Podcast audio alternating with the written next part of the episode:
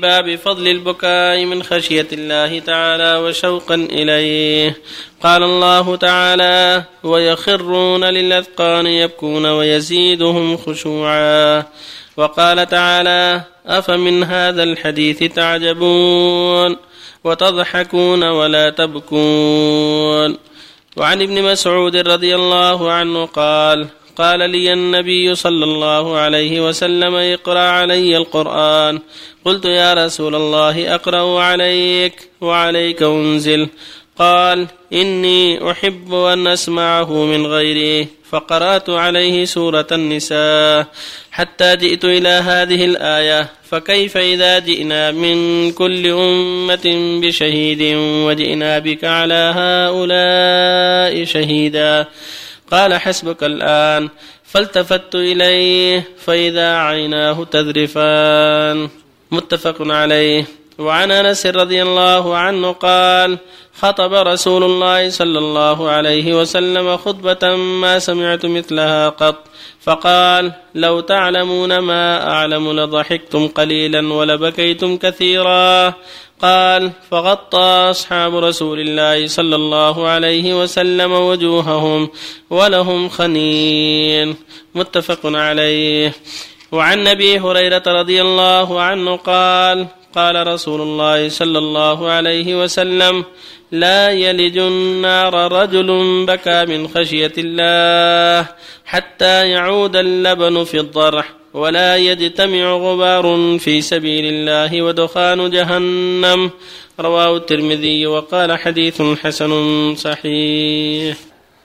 بسم الله الرحمن الرحيم. الحمد لله وصلى الله وسلم على رسول الله وعلى آله وأصحابه ومن اهتدى بهداه. أما بعد هاتان الآيتان مع الأحاديث المذكورة في الجميع الحث على البكاء من خشية الله وأن المؤمن ينبغي له أن يبكي من خشية الله عند تلاوة القرآن وعند سماع المواعظ ينبغي أن يعالج نفسه حتى يبكي من خشية الله. لما في ذلك من التأسي بالصالحين ولما في ذلك من رجاء المغفرة من الله ووعده سبحانه الدخول الجنة والنجاة من النار وأن يكون من السبعة الذين يظلهم الله في ظله.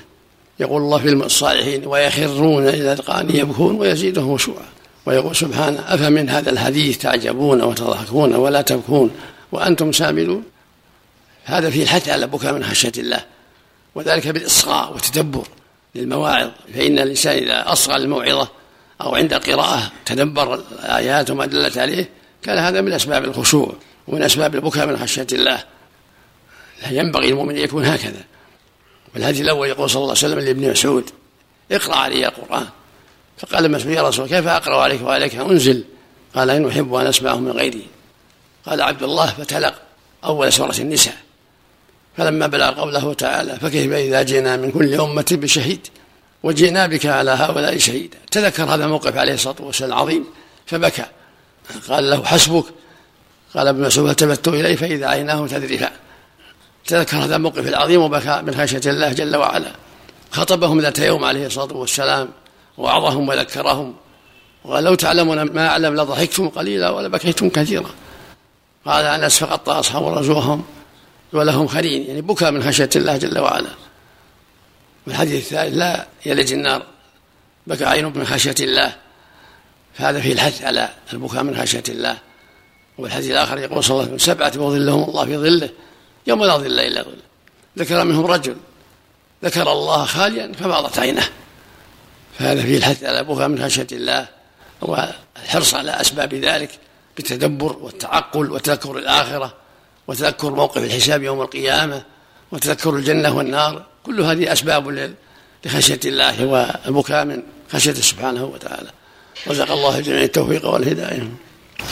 كان بكاؤه قليلا أو معدوم على كل حال يسأل ربه أن الله يعينه يتعاطى الأسباب يتعاطى الأسباب بالتدبر والتعقل. سؤال الله أن الله يعينه على البكاء من خشيته جل وعلا. نعم. يعني انعدام البكاء هل يعني هل يعني فساد في القلب؟ يخشى يخشى على الإنسان من قسوة القلب. لكن الإنسان يتعاطى الأسباب. يقول من كان يذهب في رمضان صلاة التراويح أو القيام لإمام صوت حسن يا شيخ؟ ما في بس هذا طيب. يتعاطى أسباب ذا هذا من تعاطي أسباب الخشوع.